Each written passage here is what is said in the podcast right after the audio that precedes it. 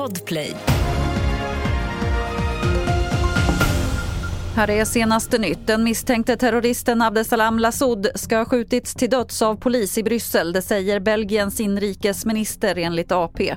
Det var vid 19-tiden igår kväll som han sköt ihjäl två svenskar och skadade ytterligare en svensk strax innan Sveriges EM-kvalmatch i fotboll mot Belgien. Fotbollskanalens Olof Lund rapporterar från Bryssel. Eh, det kom tips om att han var på ett café i den delen av Bryssel eh, där han eh, bodde och det utbröt skottlossning. Nu uppger Belgiens inrikesminister att han har dött. Man ska även ha hittat vapnet som han använde när han sköt svenskarna vid honom. Och hundratals svenska fotbollssupportrar är kvar i Bryssel samtidigt som säkerheten kring platser med svensk koppling har förstärkts.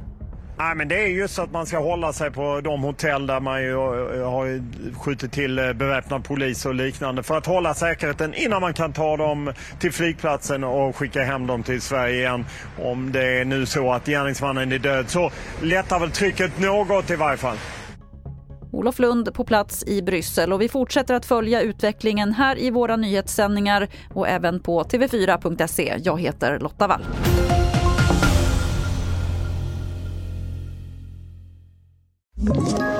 Ett poddtips från Podplay. I podden Något Kaiko garanterar östgötarna Brutti och jag, Davva, dig en stor dos skratt. Där följer jag pladask för köttätandet igen. Man är lite som en jävla vampyr. Man har fått lite blodsmak och då måste man ha mer. Udda spaningar, fängslande anekdoter och en och annan arg rant. Jag måste ha mitt kaffe på morgonen för annars är jag ingen trevlig människa. Då är du ingen trevlig människa, punkt. Något Kaiko, hör du på Podplay. Därför är gardinerna.